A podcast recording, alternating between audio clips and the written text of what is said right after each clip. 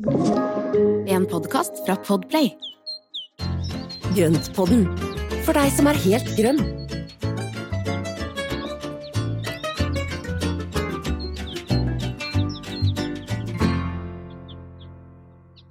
Hallo alle sammen, velkommen til Grøntpodden.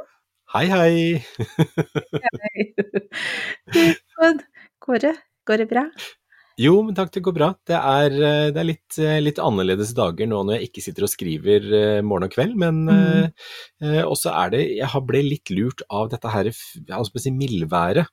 For jeg får jo veldig vårfølelse så fort jeg ser en vissen gresstust, og syns det var litt stusslig når det da kom ny sludd og ny snø. Så, men jeg vet jo at altså, vi er jo i midten av januar, så, eller slutten av januar, så det, det er ikke Altså jeg kan ikke forvente noe mer. Det er ikke det. Men ja. Jeg liker at du sier slutten av januar. Ja, vi er andre halvdel da, kan vi si. ja, det skjedde vel for et par dager siden, ja. så det, så det ja. Så vi er i innspurten på, på, på, å bli ferdig med januar. Mm. Ja, sånn snakker et men, ekte sommermenneske, tenker jeg. Det. Ja, ikke, ikke sant. men du har i hvert fall kledd deg etter været, for du har på deg stort, uh, tjukt eh, pledd, holdt jeg på å si, eller hva du skal kalle det. Hva er det for noe? Nei, skjerf. Skjerf. Ja, ull, ull, ull, sånn ullskjerf. Gigantisk ut. Det var svært. Ja, det er ikke så stort, altså, men det er bare veldig, Nei. veldig deilig. Så det er, ja, det så helt nydelig. Så jeg, jeg, gidder ikke sitte og fryse. Uh, Nei, ikke det. Er jo, det er jo jeg ser det. Men jeg tenker det er jo litt sånn altså det skal ikke være for varmt inne, og det er jo liksom strømregninga er én ting, så mm. jeg har det ikke altfor varmt inne. Men plantene trives jo også best hvis ikke det er altfor varmt. Ja. Så jeg kan heller kle på meg en ullgenser og et skjerf enn å la plantene få tørke ut og visne. Ja, men jeg syns egentlig det er veldig greit. Altså da, mm. Det er jo litt kjipt å måtte skru ned pga. strømregninga, men da kan man liksom heller fokusere på at plantene har det bra når vi skrur ned litt. Ja, ikke sant. Og så mm. tenker jeg at da går det an å fyre i peisen på kvelden når man skal sette seg og se på TV eller et eller annet sånt, så kan man fyre litt i peisen og, og sånn litt sånn for hygge og for å toppe den der varmen. Så da blir det fint. I går sovna jeg foran peisen. Altså, det var rett ut. Det var jeg, og så var det hunden ved siden av. Jeg var så trøtt. Herlig. Problemet vårt er at vi har peisen i ett rom, og så TV-en i et annet. Og TV-rommet er jo da sånn veldig tilpasset planter, kan vi si, for det er ganske kjølig.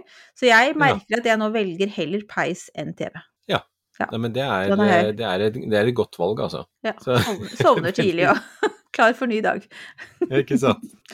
Men Espen, vi, før vi liksom svinger i gang dagens tema, skal vi bare nevne at vi hadde et veldig morsomt møte forrige uke, eller? Ja, vet du hva, det må vi. Det var så inspirerende og energifylt og mm. hyggelig. Så det var med hagemessa. Yes. Og det er, det er, altså noe av det mest inspirerende jeg har hørt på lenge. For de har jo masse ideer om hvordan de skal bygge opp messa, hva de tenker og hvordan, hvordan eh, årets hagemesse kommer til å bli. Mm. Og vi er jo så heldige å få ha et samarbeid med dem, så det, det, det, altså det gleder vi oss veldig til. Veldig. Ja, det blir så stas. Kjempegøy. Vi skal være med på et hjørne av hagemessa, eh, ganske sentralt plassert, tror jeg tror det, mm. blir, det tror blir kjempegøy, jeg. Ja. Mm. Det blir kjempegøy, og da blir det litt innspilling, og det blir litt grann, Jeg skal holde foredrag, mm. eh, og det er jo mange andre som skal holde foredrag, og det er mye spennende inspirasjonsstoff. Mm. Med besøkshager nærmest inni der. Nei, det blir, det blir kjempegøy. Det blir, jeg, gleder meg sånn til å se det. Ja, ja. Nei, det, det, det, høres ut som de virkelig de har hatt liksom alle de kreative hjernecellene har vært i gang, og de har satt sammen ja. veldig kul messe i år. Det blir fint. Ja. Ja, det, det, gjør det. Og det som også er litt gøy, at dette her er jo noen som sitter her og har masse ideer, men de har også gjennomføringsevne. Altså, det blir gøy. Vi kommer til å mm. fortelle litt mer fremover, vi, når vi ja. vet enda mer. Men uh, vi kan aller først si Ja, men aller først må vi si holde helga som kommer to uker etter påske. Ja. Altså 21. 20. 21. april. Mm. Hold av den. Da er det yes. hagemesse. Inn i kalenderen og skriv opp. Så kanskje ja. vi ses der. Det har vært veldig gøy. Ja, det har vært gøy. Ja, men da kan vi rulle i gang, vet du. For vi, ja. altså eh, Det temaet her er jo også noe som sikkert vi kommer til å høre masse om på hagemessa og fremover i ulike hage- og plantefora. Eh, heter det? Mm. Et forum, flere fora? Ja, dere forstår hva jeg mener. eh, eh, og det handler jo da om hvordan vi kan sikre mangfold i hagen, og også eh, tenke litt smart i forhold til klimaendringene, som mm. vi jo står litt midt oppi, og som kommer til å bli mer av, virker det som. Rett og slett hvordan vi tenker på hagen som et sted som vi kan ruste oss litt mot klimakrisen. Altså, dette temaet er jo så stort. Klimaendringer, klimakrise mm, Alt rundt er sånn. Det, det, det ville jo tatt uh, minst en uke å snakke om. Ja. Men det vi tenkte på, er jo da å gå ganske sånn praktisk til verks og se litt på ulike, altså rett og slett ulike tips som uansett er bra å tenke på i hagen, men ikke minst Mm. nå som ja, det blir mer ekstremt, det blir varmere, det blir mer vind, det blir mer vann, det blir mer tørke. Alle disse Det blir mer av alt, egentlig. Det blir mer av alt. Alle tingene vi egentlig kjenner fra før, blir det mer av. Mm. Mm. Eh, og det er uvant for oss, og det er uvant for naturen. Og for hagen, som jo også er en del av naturen. så, så, så vi tenkte vi skulle gå litt gjennom det her. Um, Og du har gjort masse research, så du har jo også vært innom og funnet en del spennende ting rundt dette her. Og, og det er jo noe med at hva er det vi kan gjøre både for at det skal se ålreit ut rundt oss, men også at vi kan ivareta og hjelpe til det lille vi kan hver for oss, da. mm.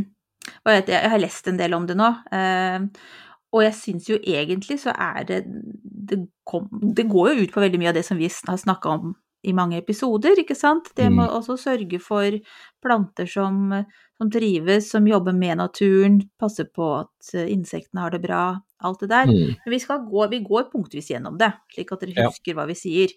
Men det Men vi kommer også til å gjøre mer av det. Vi kommer til Ja. å si, altså det, altså det er jo også bare å si det med en gang, at dette her er et så stort tema som du sa, at vi kan ikke rekke å komme over alt i en episode. Så dette er ting som vi kommer til å komme inn i, i ulike segmenter av senere. Mm. Jeg syns jo noe av det Jeg tenker på hagen vår, jeg, som egentlig et godt eksempel på hvordan eh, de før oss her har tenkt eh, klima. Ikke at det var krise på 1850-tallet, eller det vet jeg ikke, men ikke Ja, la, oss det, la den biten ligge. Men i hvert fall, de planta fryktelig mye trær rundt eh, eiendommen vår når de bygde huset.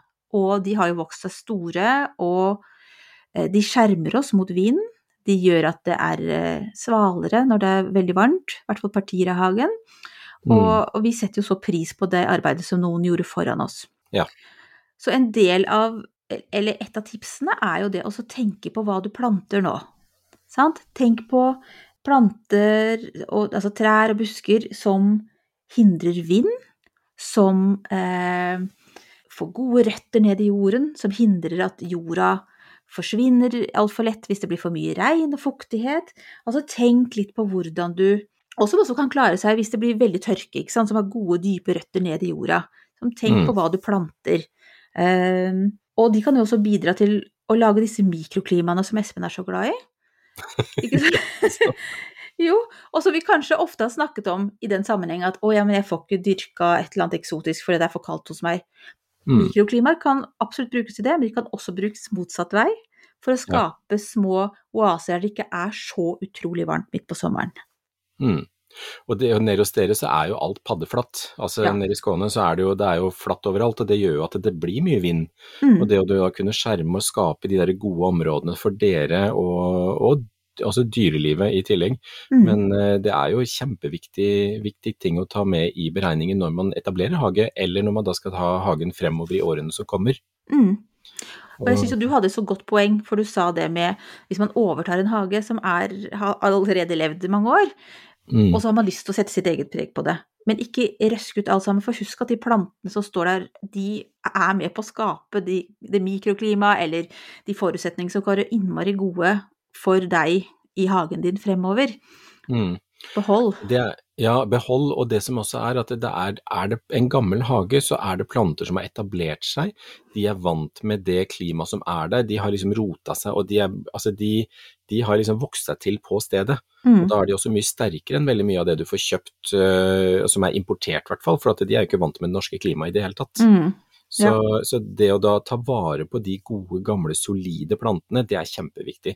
Og samme også ikke hogge ned trær Nei. før man har bodd seg ordentlig til, eh, gjerne kanskje gjennom et år eller to, for å se liksom hvordan er det solen beveger seg rundt eiendommen, hvordan er det det jeg skaper eh, soner med skygge, for det er jo ikke alltid man har lyst til å ha steikende sol hele dagen, for det er, det er veldig vanskelig å, å, å kunne da ha en tomt og dyrke fram ting der hvor sola står og baker hele dagen. Mm. Det går ikke, det går nesten ikke det. Og i tillegg så må man jo vanne seg i hjel, hvis Ja. man da har det. Mm. Altså satse på altså, de gode, gamle plantene som du har i hagen. Tenk også lokalt når du skal introdusere nye planter, fordi at det Mm. er gjerne planter Altså hva du ser i naturen rundt deg, da. Mm. Eh, som de passer til eh, klimaet hos deg, eh, og kanskje tåler endringer mer enn en, altså sartere planter, eller ting som kommer fra andre områder eh, der det er andre forutsetninger for å leve. Ja. Eh, Men det er jo en del planter som blir, altså de blir importert fra Italia. En del Mm. av de i Italia og, og nedover i Holland og også Danmark. Men når de kommer ut til Norge, så får de jo sjokk. Ja, og så kan man jo samtidig så kan man jo på den andre siden så kan man si at kanskje det blir, når det blir varmere Det er så skummelt å snakke om det, jeg får litt sånn vondt. Men hvis det etter hvert liksom Så kanskje det man da Kanskje det er andre planter som man tidligere ikke har kunnet dyrket, som vil fungere. Ikke sant? Men jeg tror basisen bør være de lokale, solide plantene som har klart seg lenge uh, i vårt klima. Og som Mm. nå også får en sjanse til å tilpasse seg over tid uh, nye klimatiske forutsetninger.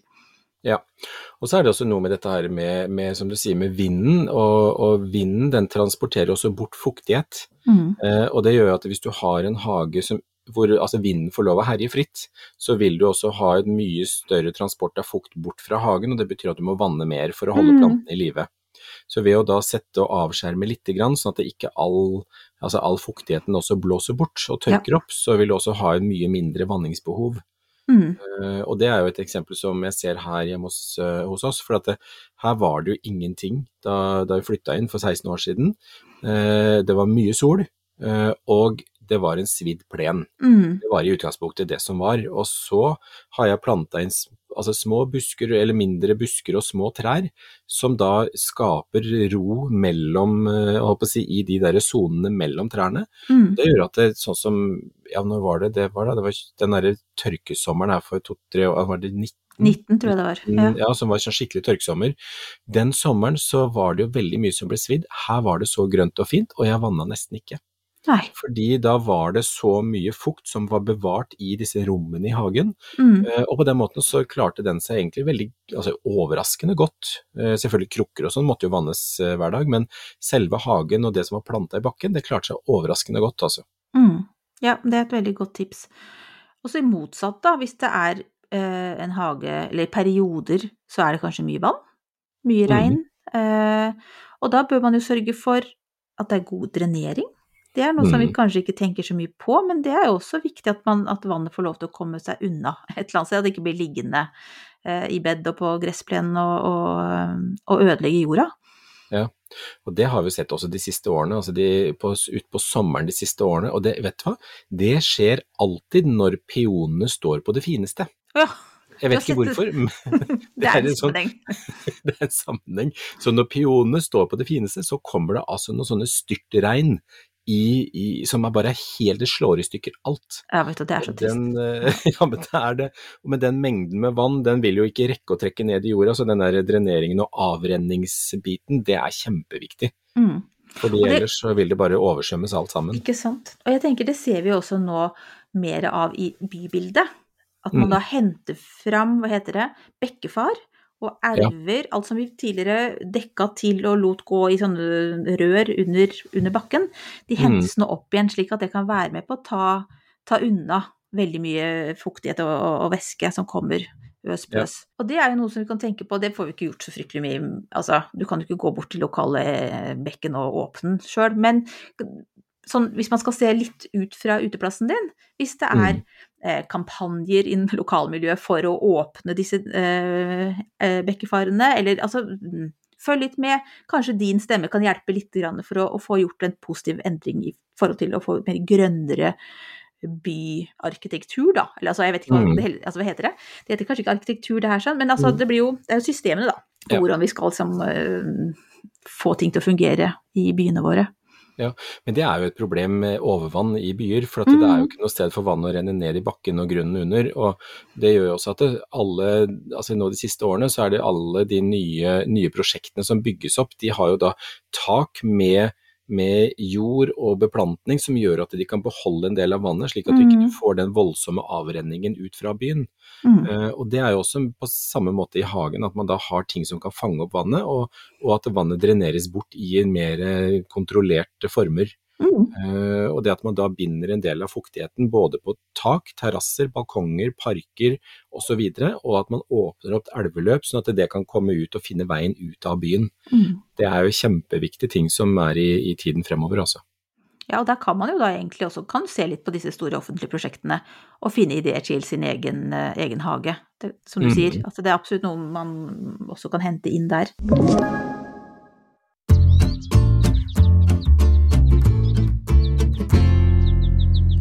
Apropos det med, som du snakket om før vi hadde en liten pause, med å, å, å finne grønt på, holdt på å nye måter å introdusere grønt i en hage eller på en eiendom eller i bybildet, så tenker jeg på Mm. det med grønne tak og vegger. Ikke Mm. sant? Det, det kan jo både om Hvis man har eh, jeg vet ikke, annet, nå har vi jo masse EFØ, jeg vil ikke akkurat anbefale det, for at det lager så stygge merker når man skal ta det ned. Men altså, hvis man har klatre, noe som klatrer opp på veggene, da, så, så om sommeren og på varme år siden, så vil jo det kunne avkjøle litt. Ikke Mm. sant? På samme måte om vinteren, eller ikke på samme måte, men på motsatt vis, så vil jo isolere, ha en isolerende effekt, slik at varmen holder seg mer innendørs. Så det er også noe, i tillegg til alt det andre som det gjør med at det er insekter der, og at det er, fanger karbondioksid og gudene vite hva disse plantene gjør, så er jo det en ekstra effekt som kan være veldig ok for eh, strømregninga og for, eh, for deodoranten, holdt jeg på å si, som må kjempe på varme dager. Så det er liksom sånn Så kan man tenke på det. Og så tenkte jeg på det med regnvannet. Men vi må si noe om klatreplanter, Marianne. Bare vær obs på klatreplanter som da har sugekopper, eller som kan bryte seg inn under panel på trehus. Ja. Vær veldig varsom med det. Har du murhus, så går det veldig greit, men har du trehus, så vær veldig varsom med klatreplanter, så ingen kan arrestere oss på det etterpå. For at det er eh, Da er det viktig å velge planter som da kan klatre på espaliere på Ja. utsiden, som ikke går inn under treverket. Mm. Og, eller fester seg fast med sugekopper, sånn som f.eks. eføyen, eller klatrehortensia, eller, eh, eller noen av disse villvinene. Mm. For de suger seg fast, og så begynner de å bevege seg inn i treverket og ødelegge panelen. Mm. Og selv vi som har mursteinshus, har jo da sånn takskjegg, altså ja, det heter jo takskjegg, altså undersiden av taket, og det er, der er det jo tre. Ja. Så der er eføyen klart å komme Altså den er den De vokser jo så herlig og frodig, men det er ikke alltid like ok for bygget. Så absolutt, jeg er helt enig med deg. Forbehold om Mm. det. Man må undersøke. Som alltid så må man undersøke litt hva man planter. Det tenker på lokale, lokale forbehold. Absolutt. Men jeg tenkte på det med når vi snakka om så mye vann. Altså regnvannet må man jo spare på også. Plutselig Mhm. så er det ikke regn på noen uker eller dager, og da er det veldig greit å slippe å finne fram eh, vannslangen kobla til det, hva heter det, eh, kommunale vannanlegget, Ja. og heller kunne bruke, eh, bruke regnvannet. Ja, og det er jo enkelt og greit. Også hvis man da har noen dunker å sette opp med, ved takrenneløpene, eller så leder vannet da videre ned i f.eks. sånne de der store tusenlitersdunkene. Hvis man da har mulighet til å gjemme bort det på eiendommen et sted, Mm, så kan man da lede vannet dit, og da har man jo veldig mye godt vann å, å vanne med videre utover. mm, Så, så det å ta vare på regnvann, kjempeviktig.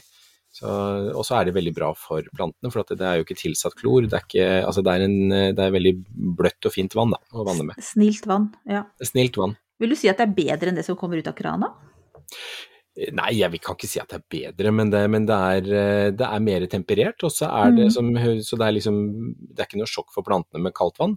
Eh, og så er det jo Det er jo ikke tilsatt klor, så derfor så har man jo da et, et renere vann. Og sånn som nå, så er det jo ikke så mye sur nedbør som, som vi snakket om mye Eller som det var mye av tidligere.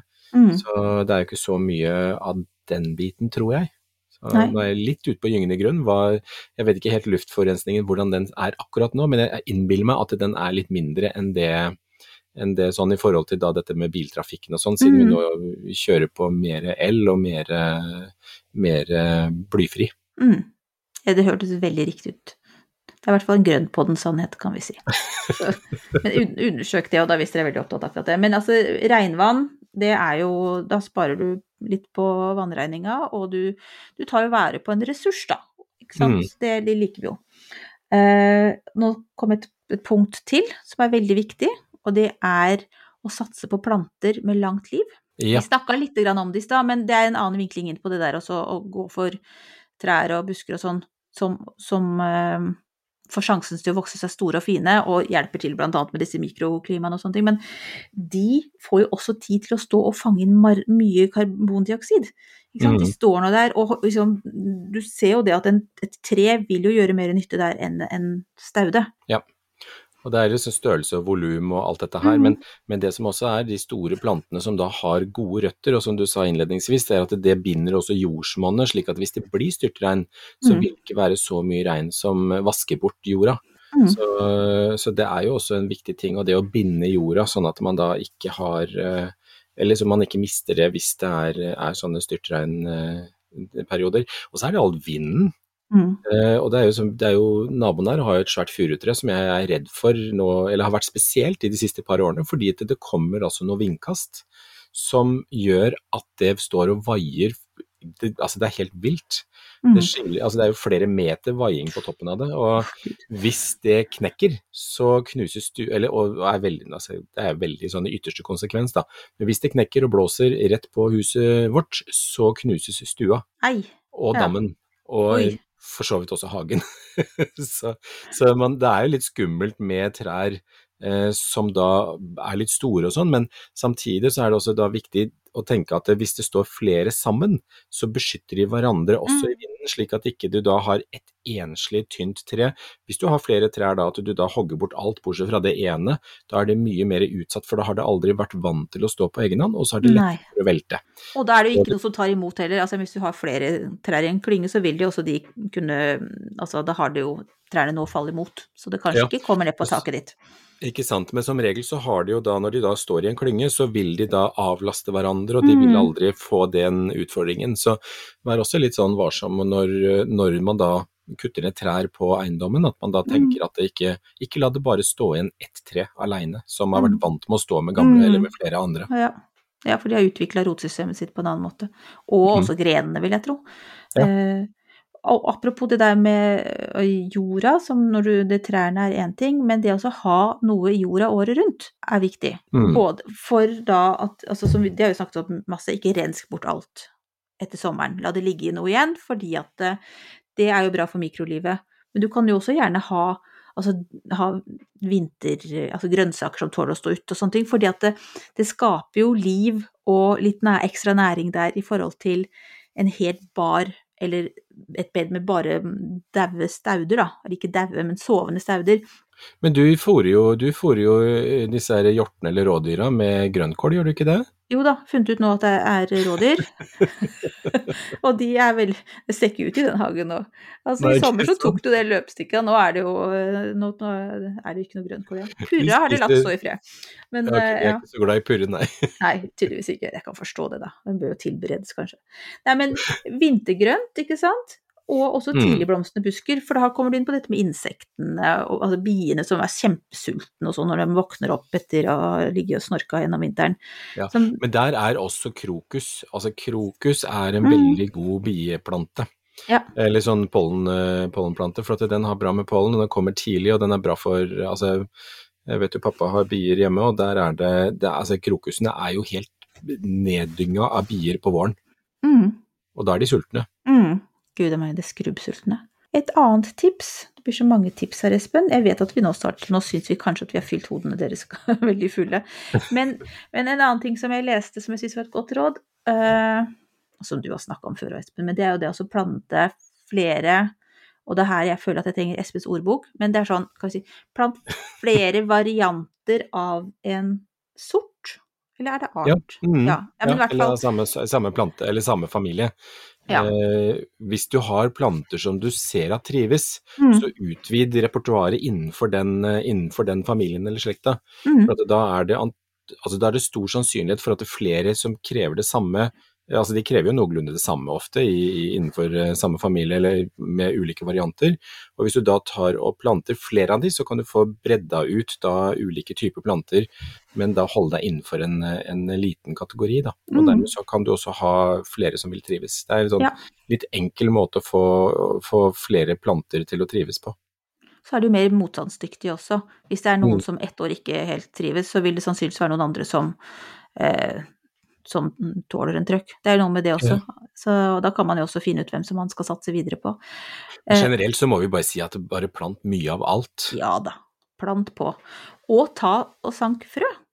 Og for det har ikke jeg tenkt på, men så klart, hvis man da eh, Dette er et litt dramatisk scenario, men ting skjer jo, det har vi erfart de siste årene. Eh, Mhm.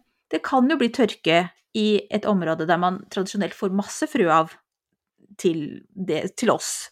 Eh, jeg vet jo blant annet at det var noe med at eh, at eh, blomsterertfrøene, som vanligvis Jeg tror det, ofte så kommer de fra Malta, men der hadde det vært et eller annet, så nå måtte man hente det fra et annet sted. Og sånt Ja. kan skje. Så det, ved å sikre seg at man fortsatt har frø videre til neste sesong, så kan man i hvert fall prøve da å sanke så godt man kan fra eget uterom. Mm. Sommeren i fjor var jo brutal nedover i Europa Mm. med all den tørken som var, så mye planter som døde og ikke, ikke har klart å, å reprodusere. Så det er kjempeviktig poeng, altså. Ta vare på det man har. Ta vare på det man har. Mm. Og finn eh, Det finnes jo frøbanker, eller det finnes jo gamle norske sorter. Altså det finnes jo tilgjengelig frø, nå husker jeg ikke navn på det, men det er jo eh, mulighet for å finne Hva finne det? Jeg tenker det? på kult, kulturarvplanter. Yes, yes, thank you. Det er jo, Mm. og det er jo, der er jo Svenskene har jo også veldig mye av det, for de har en del av disse linné, altså blant annet Linné tagetes og en del sånne Mm. kulturarvplanter som er veldig fine, altså. Kjempefine. Den er De veldig er fin. Ja. Den er kjempefin. Burning Embers tror jeg den heter, og det er jo en sånn dyp, dyp sånn derre burgunder nesten, med noen antydninger til oransje. Kjempefin. Mm, veldig lyst på den. Mm. Apropos at plutselig så har jeg kasta meg over alle farger. fargeglad. altså, Fargeglad. fargeglad blitt nå, på gamle dager. Ja. ja, altså jeg Jo, til slutt, da. Altså Én ting er jo tenk kortreist, det har vi egentlig snakka om på alle mulige måter nå, ikke sant? Mm. Med, med hvor man henter frøene og hvordan forholdene er lokalt og i det hele tatt. Men en ting jeg kom over, var det de snakket eh, om i England. Jeg tror det var eh, RHS som skrev det. Unlawing, altså eh, av, Ja. avgressplenifisering. Herregud, for et fint ord! Det Fantastisk. beste. Det var en nydelig oversettelse. Avgressifisering. Ja. Ja. Ja. Ja, men Så bra. Ja, men Det er jeg helt enig i. Men det, det oppfordrer vi jo til. Å dyrke mer spiselig, dyrke mer blomstrende og ha mindre plen. Ja. Plen er oppskrytt. Ja, sier hun. Eh, er veldig enig i det, sier hun som har eh, veldig stor gressplen her. Den var sånn når vi kom. Kjemper en intern kamp i familien på om vi skal gjøre noe annet med den. Men sånn er det. Dere har veldig mye annet i tillegg til plen. Dere har mye busker og trær, og dere har eh, mye blomstrende innimellom. Så jeg tenker det er eh, På så store arealer som dere har, så er det jo egentlig fint å ha litt gress også. Men eh, Vi trenger litt lys, men det jeg tenkte på var for eksempel, for det er jo litt småblomster der som av og til så lar vi det bare vokse litt, og så eller vi ikke klipper alle partiene og sånne ting. Det er jo litt morsomt. Det kan man jo jobbe Mm. mer med. Man, og man kan jo også dyrke kløverplanter, er vel kanskje bedre enn gress, jeg vet ikke. Eller er det variasjon som er det viktigste? Variasjon tror jeg, for at da har du da Altså da kan du ivareta flere ulike sorter med insekter. Mm. Eh, for at det, altså veldig ofte så har jo eh, Sånn som de der villbiene, de har jo enkelte ganger så har de én spesiell familie eller blomstertype som de går på. Og Mm. hvis den er borte, så, så, så har de ikke noe å leve av. Og de er jo Der mister vi jo Er det en tredjedel av alle villbiene som er i ferd med å dø ut. Eh, og det er, det er helt, helt forferdelig. Og det, Mm.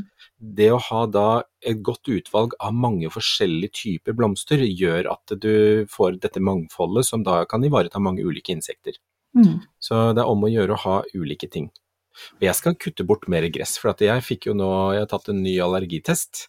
Eh, Og fant ut at eh, i tillegg til da den forbaska burota og gullrisen som jeg har eh, slitt med i mange år, så har jeg utvida til bjørk og gress og timotei.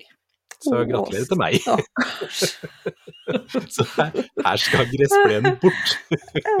Ja. Hva skal du ha istedenfor da? Det er jeg litt spent Jeg på. må, for å si sånn, det er ikke noe Det er ikke vanskelig å fylle opp, så det, jeg jeg må lage noen stier, tror jeg, eller bare Ja, og det blir kjempefint. Mm. Og så Jeg må. Ja, finne på bra. en eller annen løsning, så, sånn at det blir lys til alle, og, og at jeg da får litt flere soner som, som Ja, jeg får se. Det blir et av sommerens prosjekter. Nå skal vi avslutningsvis komme med siste tipset. Det her blir ingen Mm. overraskelse for, eh, for dere som kjenner Espen. eh, Eller, eller meg, selv om jeg, min kompostbing er et ryglesyn akkurat nå. Må, det blir et prosjekt for sommeren.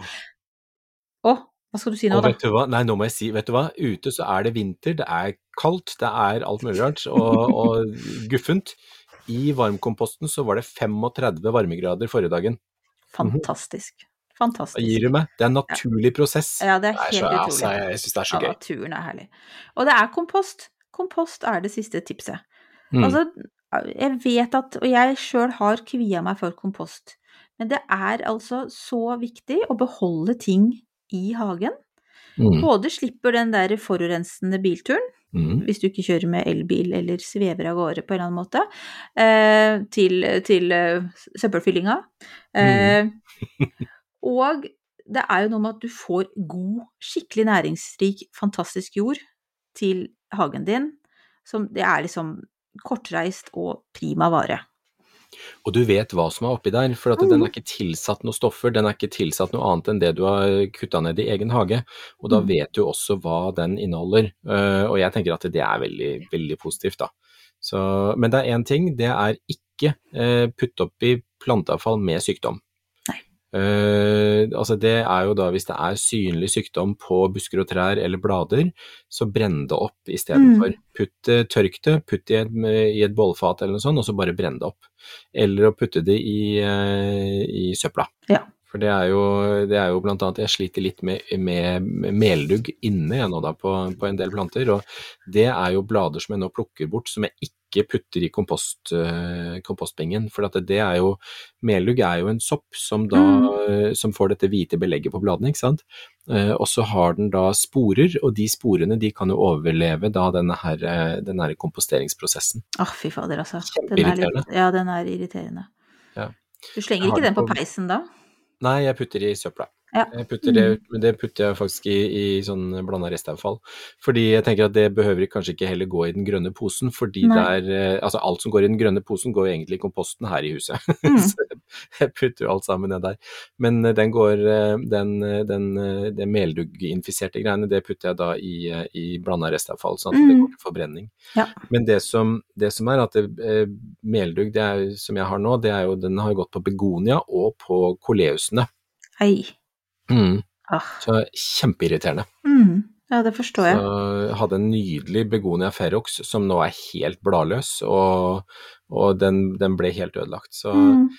Men det er jo alle disse sprøytemidlene er jo fjerna fra markedet, som egentlig funka bra før, og det er jo fint det, da, som man har tatt bort disse giftstoffene. Men det er jo da kjerringtips, eller kjerringråd heter det vel, som er å blande vann, grønnsåpe, liten dæsj med rødsprit og litt grann matolje og bakepulver. Og riste sammen? Riste sammen og dusje med det. Mm. Og da skal det kunne ta melduggen. Uh, og hvis du har meldugg på én plante, så er det ikke nødvendigvis at den vil spre seg til andre planter og andre sorter, fordi melduggen er i stor grad artsspesifikk. Det betyr at det, meldugg som går på roser, vil normalt ikke gå på floks eller andre planter ute i hagen. Mm. Så den som går på begonia, den eh, går antageligvis ikke på eh, vindusblad, eller den går ikke på vindusblad, da. Mm. Sånn at du da, den er veldig artsspesifikk, så den velger seg ut sine planter. Det er greit å vite. Det er veldig greit å vite, og det var en grei oppskrift. Den kan vi jo kanskje prøve å huske på at vi skal legge ut i sosiale medier, Espen. Jeg, skal, jeg, har, jeg har vært litt sånn treigt, eh, altså jeg har hatt litt mye annet å gjøre, så jeg har vært litt sånn dårlig med å lage den der heksebrygget mitt, så jeg må ta også gjøre det nå, og så må jeg ut og kjøpe en ny dusjeflaske, som Mm. skal være til melduggremedier. Mm. Ja. Da kan du knipse et bilde. Det skal jeg gjøre. Det blir bra, vet du.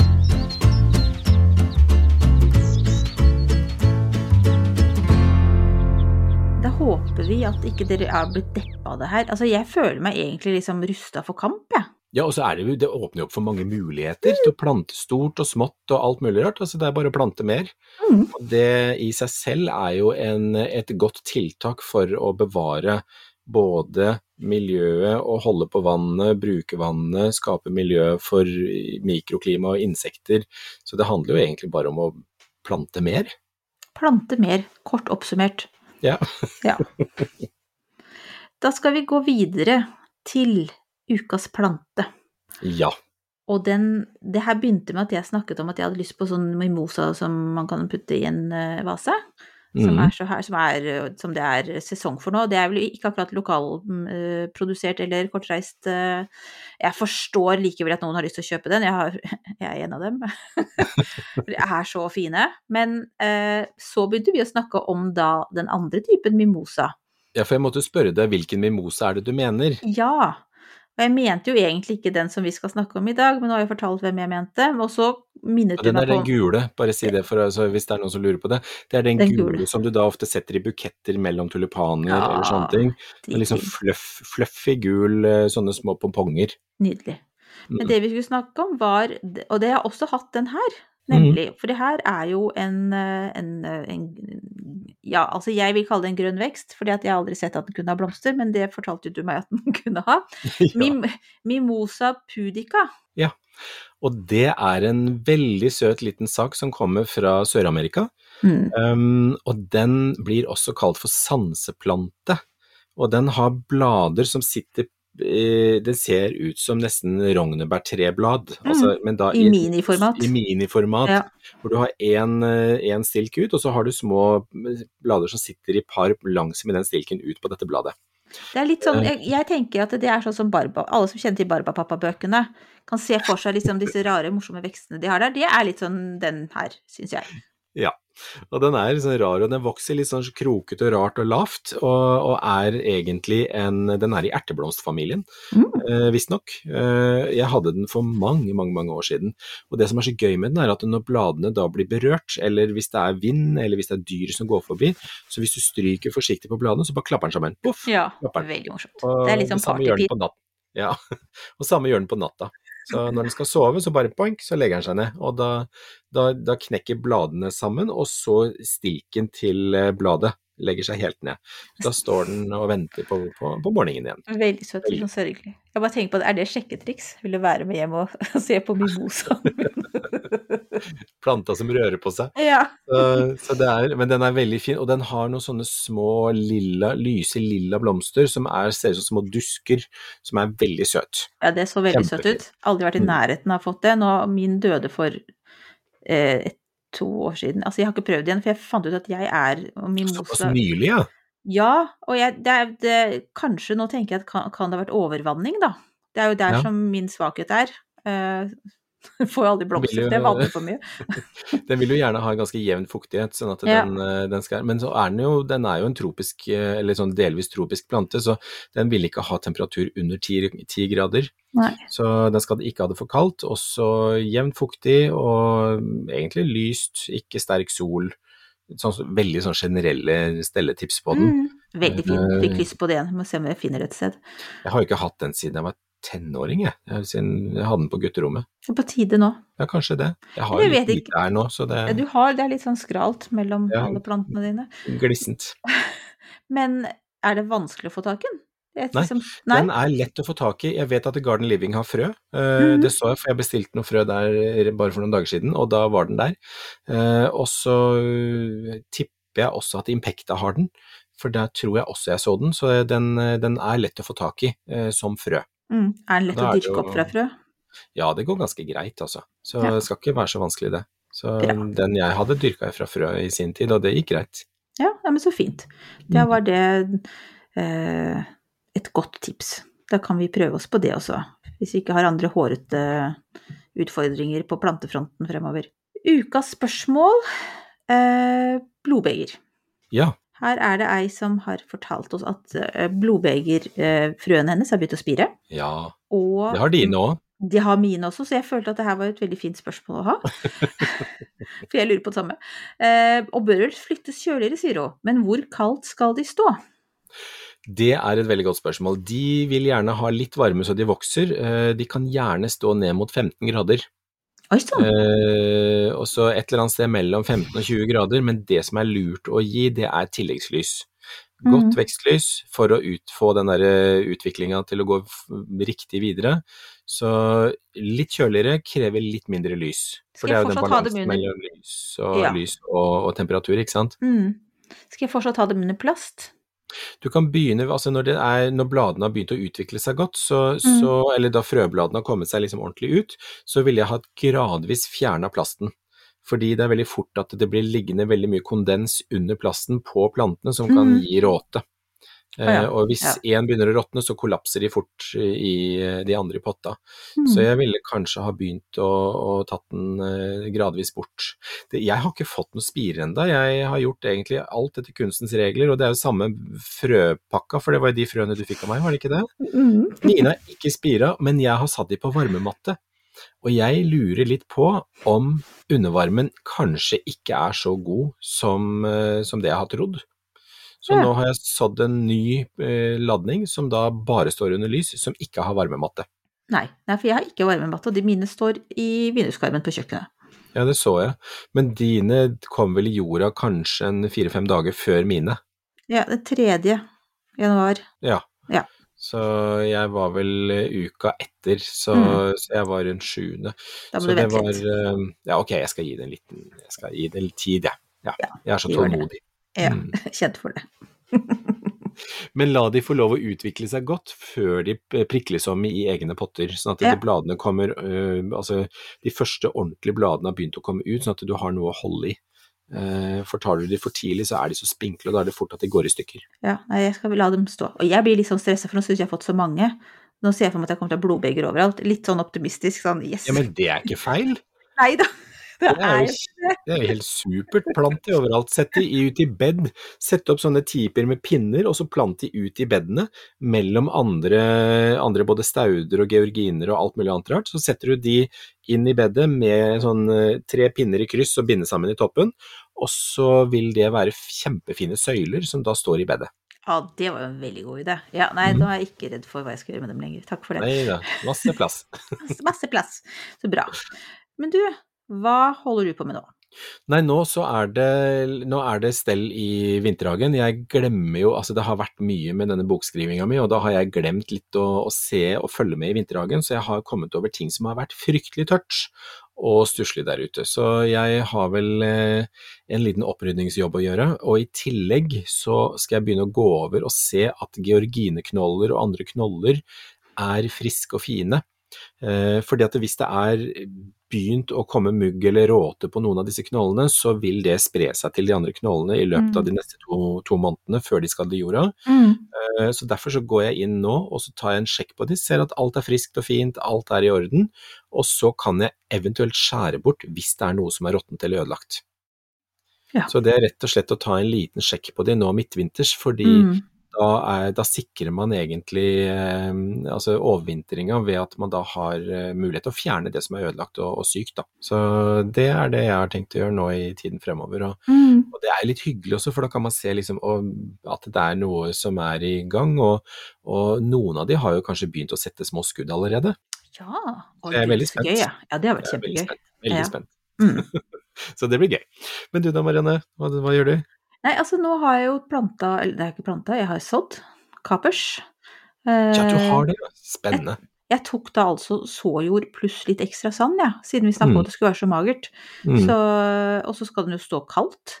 Så jeg tenkte at eh, jeg kanskje egentlig Nå står de ute, men egentlig så tenker jeg kanskje at det er enda bedre i kjøleskapet, for der er det jo, tror jeg, litt kjøligere enn ute hos oss. Kjøleskapet er kjempefint også. Ja. Og da er det jo jevnt. Da vil det jo ikke være noen svingninger heller, da vil det jo bare være jevnt kaldt. Så det spørs om du skal få lov til å komme inn og kjempe om plassen med ketsjupflasker og annet herlig. Ja, det syns jeg er en god idé. Jeg satte inn kjempeværbeinaen mine i kjøleskapet nå forrige dagen, fordi den har stått en uke uten å spire, Mm. og da er det i plastpose rett inn i kjøleskapet. Mm. Og så kan stå der et par uker, og så skal den ut igjen. Herlig. Ja, nei, så det er altså mitt så hårete, hårete prosjekt for i år, er denne kapersen. Veldig spent på det, altså. Ja, det er i grunnen jeg også. Men en annen ting er at disse, noe helt annet, er at pelargoniaene mine som står ute i eh, stallen, i vinduet der, jeg Mhm. har så lyst til liksom, å leke med dem. Er det for tidlig? Når kan jeg begynne? kan jeg potte dem om snart, og litt sånn? Det er liksom hva, når, ja. mhm. Ja, I det hele tatt. Jeg, ja, det skjønner jeg. jeg. Jeg ville kanskje ha venta litt Jeg visste at du kom til å si det, vet du. eh, til vi kommer mot slutten av februar. Ja. Fordi det er jo noe med å, og ikke starte å vekke de for tidlig. For at hvis det kommer for tidlig i gang, så, så er det ikke nok lys, og da vil skuddene bli liksom pjuskete og, og vassende. Mm. Eh, og derfor så ville jeg ha venta til vi kommer sånn i hvert fall over eh, midten av februar. Når dagene begynner å bli lengre, temperaturen er fortsatt lav, så det er fint, men eh, å klippe det inn en dag, midten av februar ville jeg sagt. For at Ja. da vil de begynne å etablere nye skudd, og det tar jo litt tid, og da er veksten i gang når dagene er lengre, ute i mars. Men i hvert fall noen av dem er jo fine og grønne. Jeg, altså det kommer Mm. til å ha veldig problemer med å klippe dem ned, altså. Men jeg må gjøre Det det. er men Marianne, det er masse stiklinger, du kan lage mange pelargoner. Ja, det kan jeg. Da blir det Ja. blodbegertyper og pelargonia, gudene vet hva. Det blir Ja, de masse. kan du, de kan du plante ut i blomsterbed, de òg. Ja. Ja, ja, ja. Og så er det jo at gi bort kan du gjøre, og det du ikke bruker, og det du ikke har tid, altså plass til å ta inn igjen, kan du bare la fryse, og så putter du i komposten neste år. Mm. God Det går an. Ja. Ja, Så, så alt plantemateriale kan bli stiklinger. Så, altså av, det som er friskt, da. Mm. Men bare Ja. husk å merke de. Hvis du har forskjellige typer så bare, eller sorter, så bare merk de, sånn at du vet hva som er hva. Så ikke du planter helt eh, hurra meg rundt til våren ut i, i, i bedene, hvis du skal ha det i bed. Mm. God idé. Vet ikke om jeg husker allerede nå hva de var for noe, men det var en veldig god idé.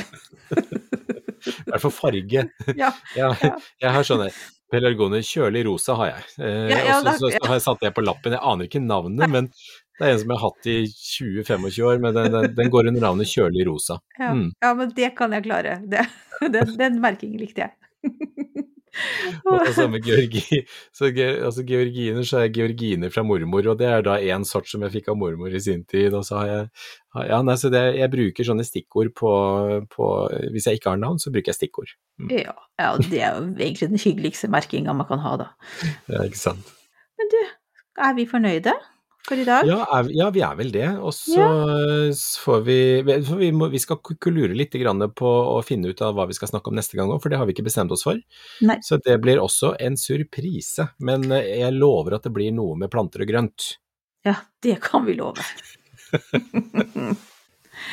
Takk for oss. Eh, Vi høres igjen. Følg oss i sosiale medier.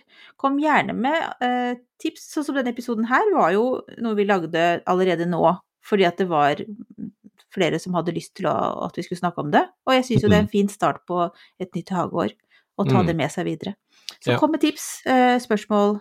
Um, ofte så tar vi jo nå, i og med at ekspertene eksperten av oss fortsatt har ganske mye å gjøre, så tar vi jo ofte og henter med oss eh, spørsmål som kommer inn som ukas spørsmål, for å kunne dele det med flere. Sånn at det er Mm. ikke alltid dere, det er ikke alltid dere får svar eh, i sosiale medier, men send inn til oss, så eh, forsøker vi å løse det. Ja, og så er det litt å holde styr på, for at noe kommer på Facebook, og noe kommer på Instagram, noe kommer på mail, og det, altså det blir litt mange, mange kanaler. Så vi, men vi prøver å holde tunga rett i munnen, og vi prøver også å få samla opp alt sammen. Mm. Sånn at vi holder styr på hva som er hva. Mm. Absolutt. Supert. Tusen takk for i dag, alle sammen. Takk for i dag. Ha det.